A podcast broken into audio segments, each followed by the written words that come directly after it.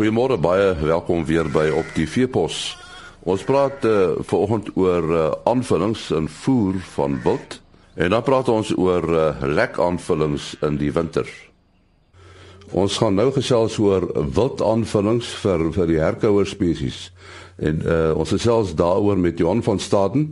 Hy's 'n voedingskundige en 'n konsultant vir tau veevoere. Nou Johan, wat is die doel van van aanvullings vir herkouer spesies by wild?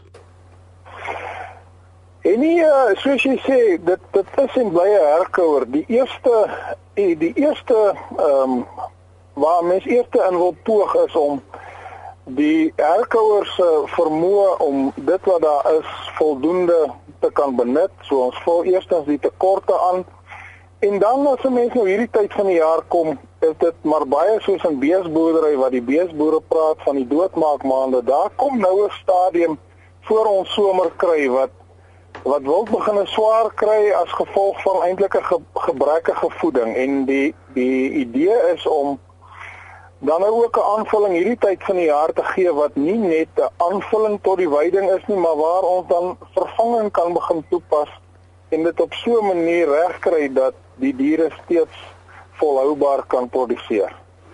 Hierdie aanvulling is dit meestal minerale?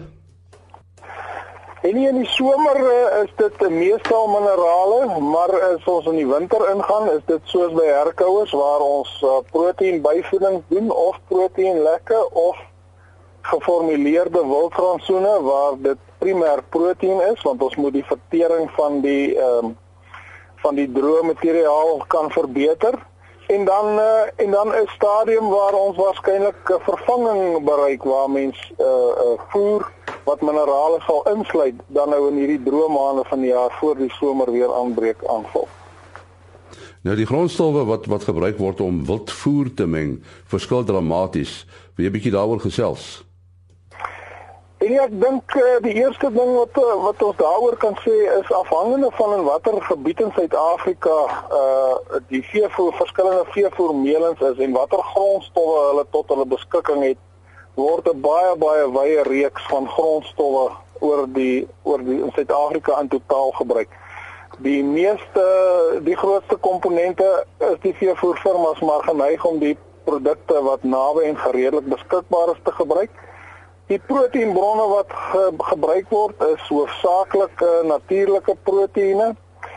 Maar ek dink voedingskundiges is dit een dat ehm um, die grootste besparing potensieel vir wildsboere in die toekoms gaan wees die insluiting van uh van NPN bronne, die lae vlakke van urium aanvulling, daai ekstra stikstof in die rumen veral in die droë maande waar ons uh, droë materiaal moet verteer gaan 'n groot besparing vir die veeboer of vir die wildsboer in inhou en dit het definitief positiewe effekte vir al vir goed soos die bulk feeders die die ehm um, buffels wat wat groot hoeveelhede van daai droë rifoer invreet 'n uh, 'n klein bietjie stikstof aanvulling gaan vir ons daar wonderlik verrig en baie koste spaar vir die wildboer.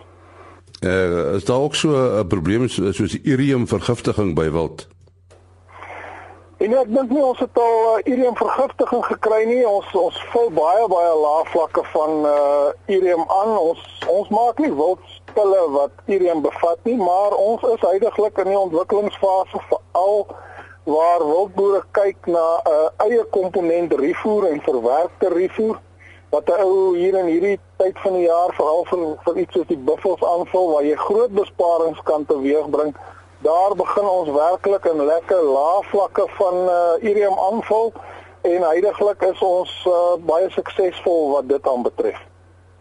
Ja, daar is nou mense wat sou vra, uh, jy weet, hoekom moet mense aanvulling gee vir wild wat ek kan mos vir homself sorg?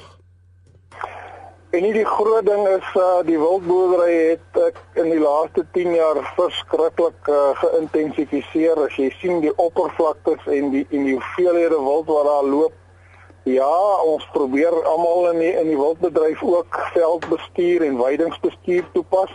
Maar die uh, beleggingsgeleentheid in wildboerdery en die beleggers wat toetree tot die wildboerdery is nie noodwendig eienaars van groot plase nie. So die die bedryf is besig om verskriklik te intensifiseer. Ons sien dit het 'n effek op verskillende spesies sekere spesies is uh, is baie meer onder druk. Hulle is die stresvlakke is baie gou baie hoër onder hierdie intensiewe toestande, maar die byvoeding gaan gaan daar wees en gaan in die toekoms net meer word as gevolg van die intensifisering van die wildbedryf. Ons hou al hoe meer wild op al hoe kleiner oppervlaktes aan van verskillende spesies. Dis maar wat gebeur.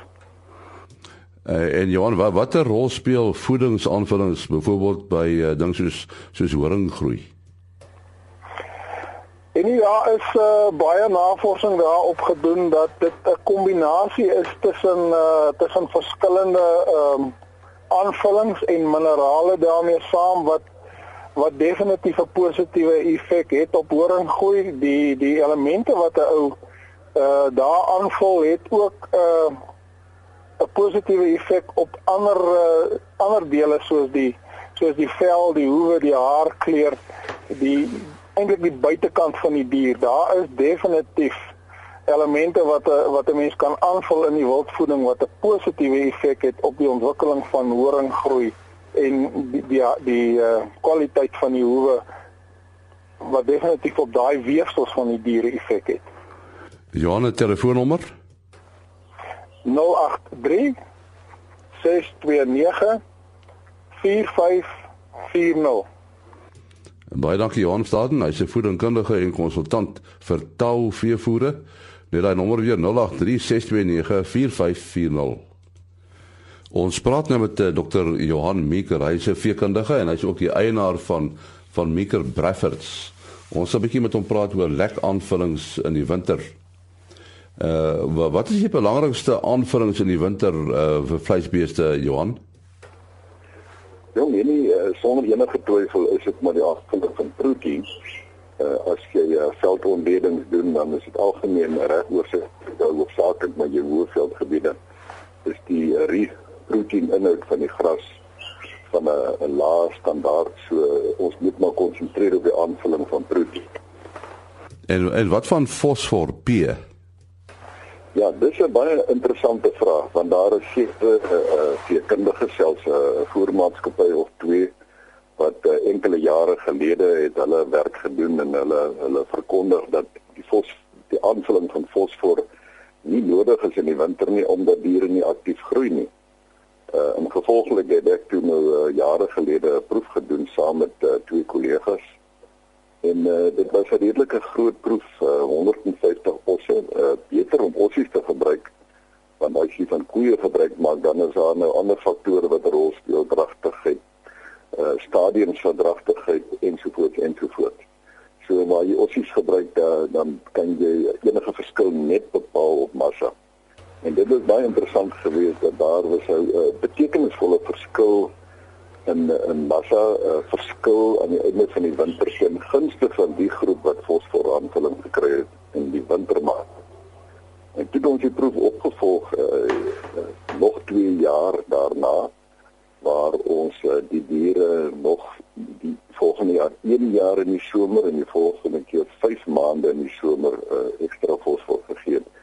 En dis eintlik 'n interessante deel waar waar die diere uh, aanvanklik in die somermaande terwyl almal dieselfde uh, somerlek aanvulling kry het die groep wat in die winter dan nou fosfor ontvang het het hulle aanvanklik die eerste maand meer gewig verloor as die groep wat nie fosfor in die winter gekry het nie en die derde jaar ons het ons die proef oor 'n 5 somerperiode gedoen na die winter en gevind dat selfs na 5 maande het die diere wat die voorafgaande winter geen fosfor ontvang het nog nie voldoende gekompenseer om te vergelyk met die groep wat wel fosfor in die winter gekry het nie. So dis 'n saamvat wat uh, vir my is daar geen twyfel dat dit mens selfs moet in wintermaande uh diere moet uh, moet fosfor byvoeding aanvang. En net as uh as jy duimreël gebruik het met die reëling of die die aanbeveling dat uh, waar daar waar daar akute tekorte is, moet 'n mens maar eh, die duimreël gebruik van 5-5-10 fosfor, met ander woorde 5 gram vir 'n vir 'n groeiende dier 5 gram vir 'n pragtige dier en 10 gram vir 'n lakteringsdier. Dis net bewyse van aanvulling. Eh waar jy dan nou minder van 'n fosfortekort het, dink kan 'n mens hierdie reël 448 maak, maar by my geen twyfel dat addisionele fosfor in die wintermaande noodsaaklik is. Nou ja, moet moet beeste wat urium bevattende winterlekke gebruik, moet hulle altyd toegang tot die urium hê. Ja, dit is uh dit is noodsaaklik maar ook nou nie so noodsaaklik nie. Daar het ek ook weer eens proewe gedoen oor 'n hele paar jaar.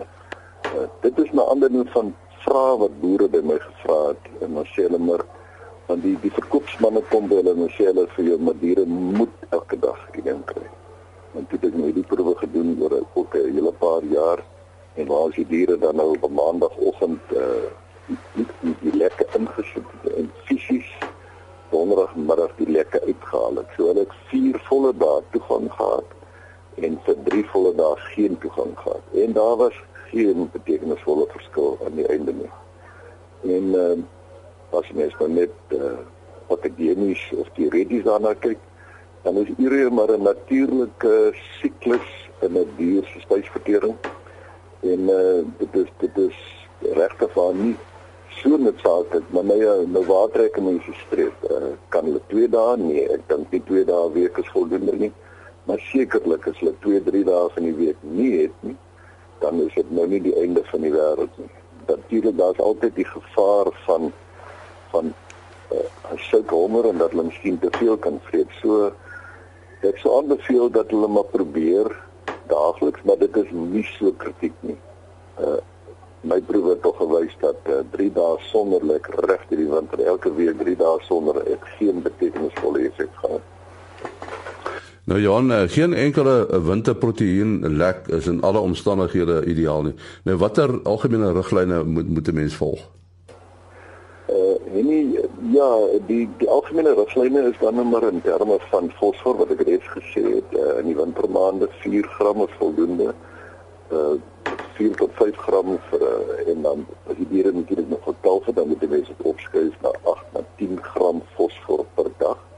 En urium uh, werk ons aan ongeveer uh, 85 gram urium inname wat die ekwivalent is van so 200 na 250 ri, uh, riprotein ekwivalent. Ons praat van die proteïen ekwivalent want uh, urium is natuurlik nie 'n proteïen nie, dit is 'n nie-proteïen stikstof wat deur die mikrobes in die maag omgeskakel word na proteïen. So uh, as ons dan sê 85 gram urium, dan is dit ekwivalent aan uh, 200 tot 250 gram proteïen ekwivalent. Dit is die duimreëls, die twee duimreëls wat nog gevolg moet word uh, vir winterlek. Johan, jou telefoonnommer as daar vra is? Uh, en my is 076 0545 0851 of die landlyn 034 32 50 400. Baie dankie dokter Johan Meeker. Uh sy telefoonnommer net weer selnommer 076 054 5851 en die landlyn 034 325 0400. Môreoggend is ons terug. Mooi bly.